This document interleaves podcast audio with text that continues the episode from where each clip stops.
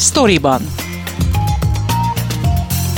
Ez a Szabad Európa podcastja, amelyben a honlapunkon megjelent cikkek hátteréről, kulisszatitkairól beszélgetek a szerzőkkel. Mivel kollégákról van szó, kérem nézzék el nekem, hogy tegeződni fogunk. Én Fazekas Pálma vagyok, tartsanak velem és munkatársaimmal.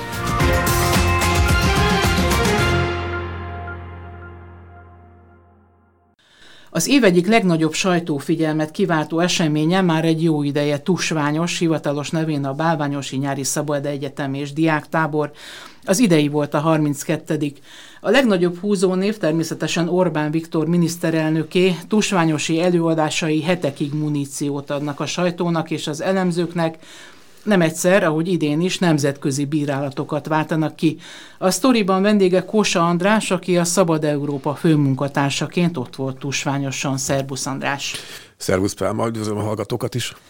Hanyatszor jártál ott? Ó, hát nem voltam azért olyan sokszor, szerintem harmadszor talán, és ezt megelőzően talán egy három éve voltam utoljára. Tehát azért nem lehet azt mondani, hogy törstag vagyok, de voltam már többször.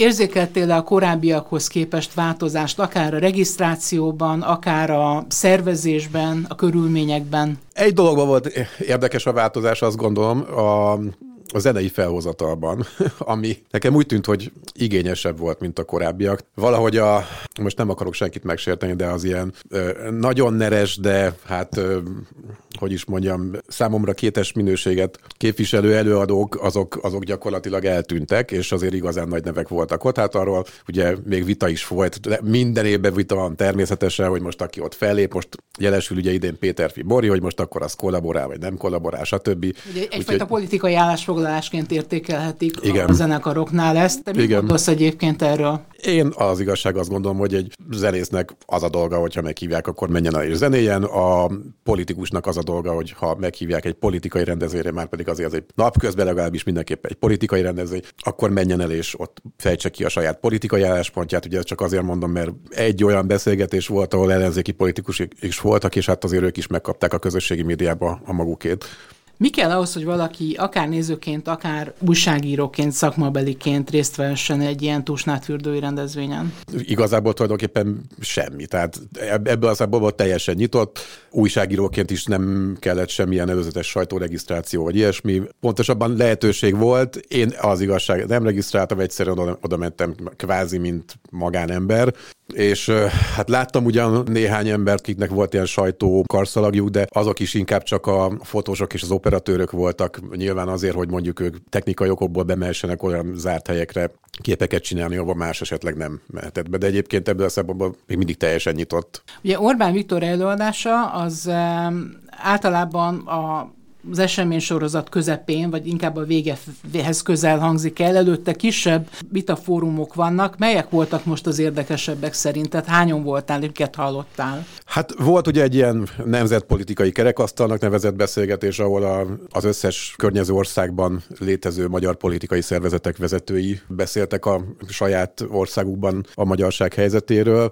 Volt egy olyan beszélgetés, ahol Szalai Bobrovnicki Kristóf honvédelmi miniszter, Kósa Lajos ugye a Parlament Honvédelmi Bizottságának a, az elnöke, és John O'Sullivan, aki egyébként ugye korábban a Szabad Európa egyik vezetője is volt, és most a közpénzből fenntartott Danube Institute alapítója, de egy biztonságpolitikával foglalkozó újságíró. Tehát ők hárman beszélgettek a most lezajlott NATO közgyűlésről, illetve hát ugye általában a háborúról, meg a európai biztonsági helyzetről. Voltak ugye újságíró fórumok, rengeteg egyébként szerintem ebből a szempontból egyre színesebb a kínálat, és, és azért próbál a politikán kívül is próbálnak a szervezők lépést tartani mondjuk úgy a, a világgal. Tehát most például több pódiumbeszélgetés volt a mesterséges intelligenciával kapcsolatban, de ugye van például sportsátor, ahol, ahol sportolókat hívnak meg, illetve egyre több, nekem az a benyomásom, hogy egyre több kifejezetten gyerekeknek szóló program is van most már. A nemzetközi média figyelem mennyire erős, hogyan változott az elmúlt években?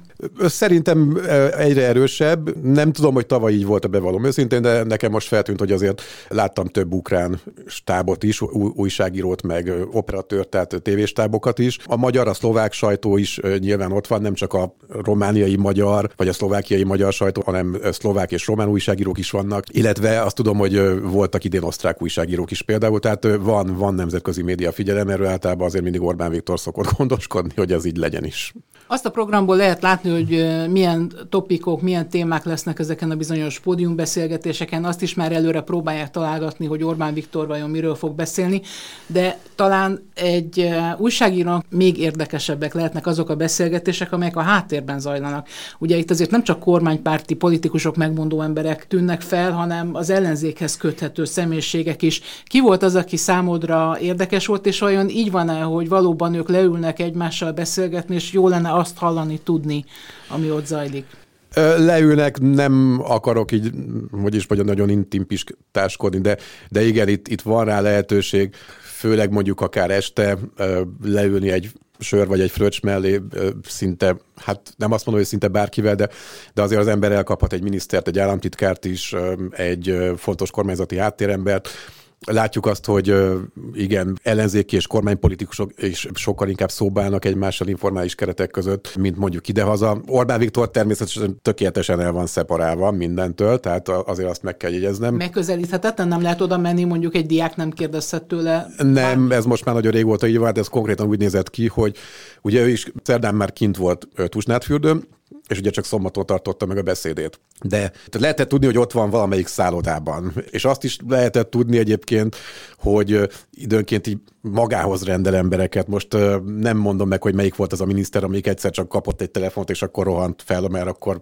szóltak neki, hogy most akkor várja a főnök, ugye úgymond. Hiszen egyébként nyilván a nézők is látták, akik figyelték a közvetítést a beszédről, a kormány több tagja majdnem a teljes kormányként volt. Igen, gyakorlatilag a teljes kormányként volt, igen, és nyilván határon túli vezetőkkel is találkozik ilyenkor. Miközben egyébként ugye szombaton ottan idő szerint 10 óra 30-kor kezdődött a beszéd, és hát a kormányfőt szállító legalább 10 autóból álló konvoj, az szó szerint 5 perccel azelőtt gördült oda be a nagy színpadhoz, hogy Orbán Viktor egyáltalán elkezdett beszélni, majd amikor vége lett egyébként, és a miniszterelnök lejött a színpadról, ugyanaz a konvoj 5 percre rá már el is hagyta a tábort, tehát láthatóan ott a magában, a, a helyszínen már egyáltalán nem érintkezik senkivel a miniszterelnök. A politikai show része, vagy valós biztonsági intézkedések azok, amelyeket ilyenkor követnek? Hát én azt gondolom, hogy ez inkább a politikai só része. Most az, mivel közszereplőről van szó, és nyilvános esemény volt, talán el, lehet mondani, hogy Szalai Bobrovnicki Kristófot is feltűnő módon legalább három és négy testőr kísérte, tehát lehetett látni, hogy ők a testőrök.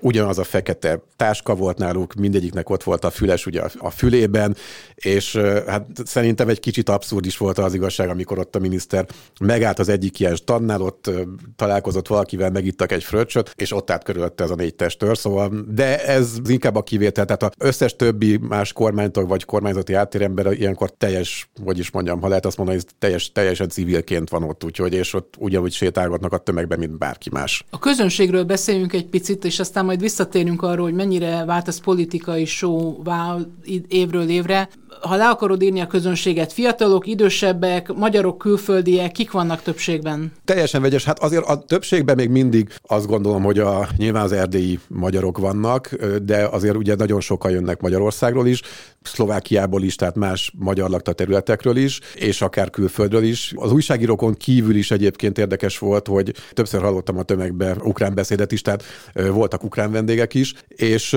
hát egyébként elég sok a fiatal, illetve szerintem egyre több a gyerek, gyerekkel érkező, tehát láthatóan ezt sokan elkezdték egy ilyen nyári családi eseménynek felfogni, hogy elmennek Tusnádfürdőre, ott vannak egy hetet, akkor ott közben kirándulnak is, el vannak, délelőtt akár elmennek, megnéznek egy ilyen pódiumbeszélgetést, este meg megnézik a bulikat. Este nyilván alapvetően a fiatalok domináltak, és bár az is igaz, hogy a koncerteken mindig sokkal többen voltak természetesen, mint napközben, de azért ezek a beszélgetések is napközben általában telt házzal mentek, és azért ott is volt elég sok fiatal, ott azért inkább az idősebb közösség dominált, de szerintem viszonylag sok fiatal volt ott is. Milyenek a körülmények, és beszélgessünk egy kicsit a költségekről például. Tehát, hogyha egy család oda be akar menni, eltölteni egy napot azért, mert mondjuk a felnőttek meghallgatnak egy-egy előadást, a gyerekek pedig játszanak, akkor ez milyen költséggel jár? A környék ugye gyönyörű, hát a dombok között van Erdélyben. Egy román lej pillanatnyilag olyan 80 forint 78, de egyszerűség kedvéért mondjuk számoljuk 80 forinttal, úgyhogy lejben mondom most az árakat, amikre emlékszem.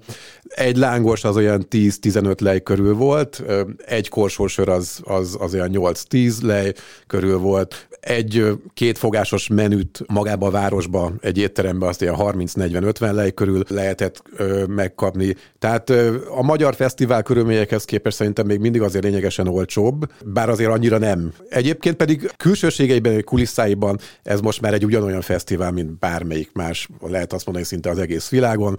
Tehát rengeteg ilyen street foodos stand van. Jó, persze van, még lehet azt mondani, hogy árulnak úgynevezett székelylángost, meg egy-két ilyen helyi sajátosság van, de egyébként ugyanúgy a gyros hamburger, sült krumpli háromszög dominál itt is. Egyébként abban a szempontból elég jók a körülmények, hogy elég sok kiszolgáló egység van, nem kell nagyon sokat sorbálni, hogyha az ember szeretne valamit venni, elég sok a mobil WC, tehát ott sem nagyon kell sorbálni, úgyhogy ebből a szempontból szerintem egy, egy teljesen kultúrált az egész. Majd néhány szót beszéljünk azért mégiscsak Orbán Viktor beszédéről, de Melyik volt számodra a csúcspontja annak a néhány napnak, amikor kint voltál? Melyik volt a legérdekesebb előadás, beszélgetés, vagy találkozás akár? Találkoztál például Budaházival? Hát vele éppen nem. Láttad ne, Nem, bevallom őszintén, utólag tudtam meg az igazság, hogy ott volt, úgyhogy nem is kerestem nyilvánvalóan, de tehát egyébként meg tényleg nagyon sokan vannak, tehát azért itt, itt bőven el lehet mm, sodródni a tömegbe, akár ismertebb emberek mellett is, úgyhogy egyáltalán azt se tudod, hogy ott vannak tőled mondjuk 5 méterre. Hát nekem több érdekes találkozásom volt, most elnézést kérek a kedves hallgatóktól, de úgy konkrétan neveket nem is mondanék, azért is mentem ki, nem csak azért, hogy cikkeket írjak és interjút készítsek, hanem egy kicsit mondjuk úgy, hogy networkölni is. Ebből a szempontból azt gondolom, hogy eredményes volt. Egyébként, ami nyilvános fórum volt, az például, amit már említettem, a Szalai Bobrovnicki Kristófék beszélgetése szerintem kifejezetten érdekes volt, mert adtak egy elég jó, reális képet arról, hogy ma Magyarország hol áll a NATO-ban, hol áll ebbe a nemzetközi konfliktusban, és a miniszter szerintem egy meglepő módon sikerült elszakadnia azoktól a fajék egyszerűségű szlogenektől, amit ide-haza hangoztat időnként a, a kormányzati retorika. Úgyhogy szerintem az például kifejezetten érdekes volt.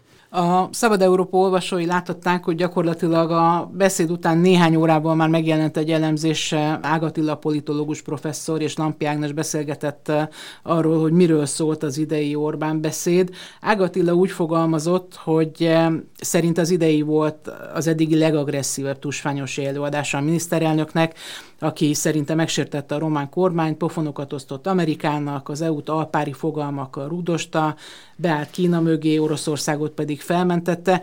A következményeket láttuk, először Románia, aztán a szlovák külügy is bekérette a magyar nagykövetet a beszéd miatt, és most már beállt a sorba ugye Odor Lajos, a szlovák miniszterelnök is, aki szintén elfogadhatatlannak nevezte ezt a beszédet, amelyben elszakított országrészként említette Szlovákiát a magyar miniszterelnök. Kinek szól szerinted ez a beszéd? Hát e, azt gondolom, hogy minden beszéd egyértelműen ö, alapvetően a Fidesz szavazóinak szól. Tehát arra játszik Orbán Viktor, Hozzáteszem egyébként ott egyből a helyszínen a körülöttem állók reakciója alapján is egyáltalán nem tűnt olyannak, hogy ez valami nagyon súlyos beszéd. Tehát ott azt kell, hogy mondjam, hogy a, a körülöttem lévő hallgatóságban a legtöbben arra kapták fel a fejüket, amikor ugye megkérdezték a miniszterelnököt, hogy mit gondol Szoboszlai Dominikról, és akkor azt mondta, hogy Szoboszlai Dominik a főnök, nem ő. Tehát azért az, hogy a beszéd politikuma mennyire jött át, azért azt valamilyen szinten szerintem ez jelzi. Természetesen a politikusok azok teljesen másképp értelmezik, mint egy ottani néző. Tehát azt mondod, hogy más az akusztikája ott a helyszínen? Én szerintem ott, ott a helyszínen teljesen más az akusztikája, igen. Ott, ott valahogy mindig jó, biztos a fajkeveredéses beszédet tavaly az, az a helyszínen is jobban ütött, de én azt gondolom, hogy ott a helyszínen sokkal kevésbé kavart indulatokat, és bevallom, nekem magamnak sem tűnt egyébként annyira annak. Nem, nem gondolnám, hogy Amerika ellenes volt a beszéd, vagy hogy, vagy hogy kifejezetten beállt volna a miniszterelnök Kína mögé. Az, hogy Kínával egyre inkább számolni kell, és az Egyesült Államoknak is egyre inkább számolni kell a Kína felemelkedésével, azért az egy faktum.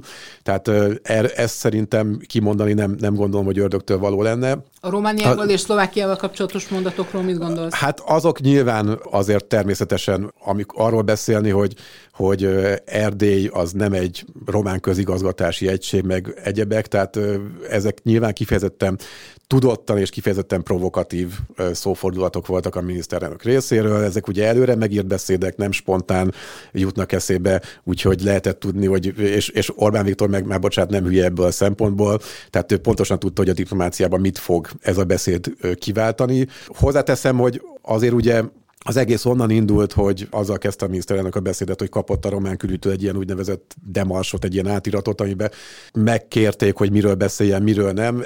Én azt gondolom, hogy azért ez sem volt egy annyira barátságos gesztus, tehát az, hogy ezt valaki kifigurázza, vagy sem, nekem akár még egyébként ez is beleférhetett volna.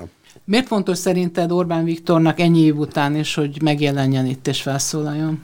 Hát nyilván egyrészt ez egy hagyomány a Fidesz részéről, tehát nem lenne érdemos szerintem megszakítani. Szerintem látszik az, hogy, hogy tényleg van a Fidesznek egy ilyen tudatos táborépítése. Tehát azért az, hogyha valaki elmegy Tusnát fürdőre, ha más nem csak azért, hogy mondjuk egy Péter Fibori vagy egy Kvémi koncert miatt, vagy hogy bulizzon egy jót, de azért ott tényleg, ahogy mondtam, napközben is ott azért így elsétálgattak az emberek, el, el voltak, és akkor azért csak benéz valaki már egy beszélgetésre, egy, egy, egy pódium beszélgetésre valamelyik sátorba, és azért ott, ha szoftos formában is, de azért nyilvánvalóan mondjuk a alapvetően a Fidesz narratívát hallja a világról, és az biztosan valamilyen szinten hat rá. Vagy hogyha mondjuk egy, egy gyereknek, mert tényleg mondom nekem az volt, ami, ami feltűnő volt, hogy egyre több a gyerek. Hogyha mondjuk egy kisgyereknek már az az élménye, hogy mondjuk 5-6-10 évesen a nyaralása azzal telik, hogy ott van, akkor már valószínűleg visszajáró lesz majd adott esetben felnőtt korában, vagy szavazó korában is. Tehát, és szerintem ez nyilvánvalóan alapvetően a Fidesznek egy ilyen, szerintem egyébként okos módon művelt saját táborépítését szolgálja most már ez a rendezvény. Ennek a fontossága felerősödhet mondjuk a jövő évi önkormányzati választásokhoz közel, vagy felerősödhet mondjuk egy parlamenti választás előtt? Biztosan fel fog erősödni, mert, mert hát ahogy ugye te is mondtad, hogy ez, ez hiába Tusnád fürdőn zajlik, nyilván nem maradott. Amit a miniszter ott mond, az, az nyilván egyből eljut a magyar választóközönséghez is. Ráadásul ugye Romániában jövőre parlamenti, helyhatósági és elnökválasztások is lesznek, tehát ez egy ottani magyar kampányesemény is lehet. Úgyhogy a jövő évi az biztosan az elmúlt évekhez képest szerintem valamilyen szempontból unikális lesz majd.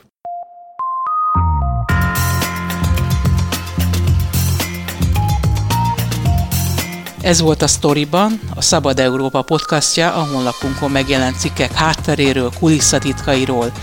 Én Fazekas Pálma vagyok, köszönöm figyelmüket munkatársaim nevében is.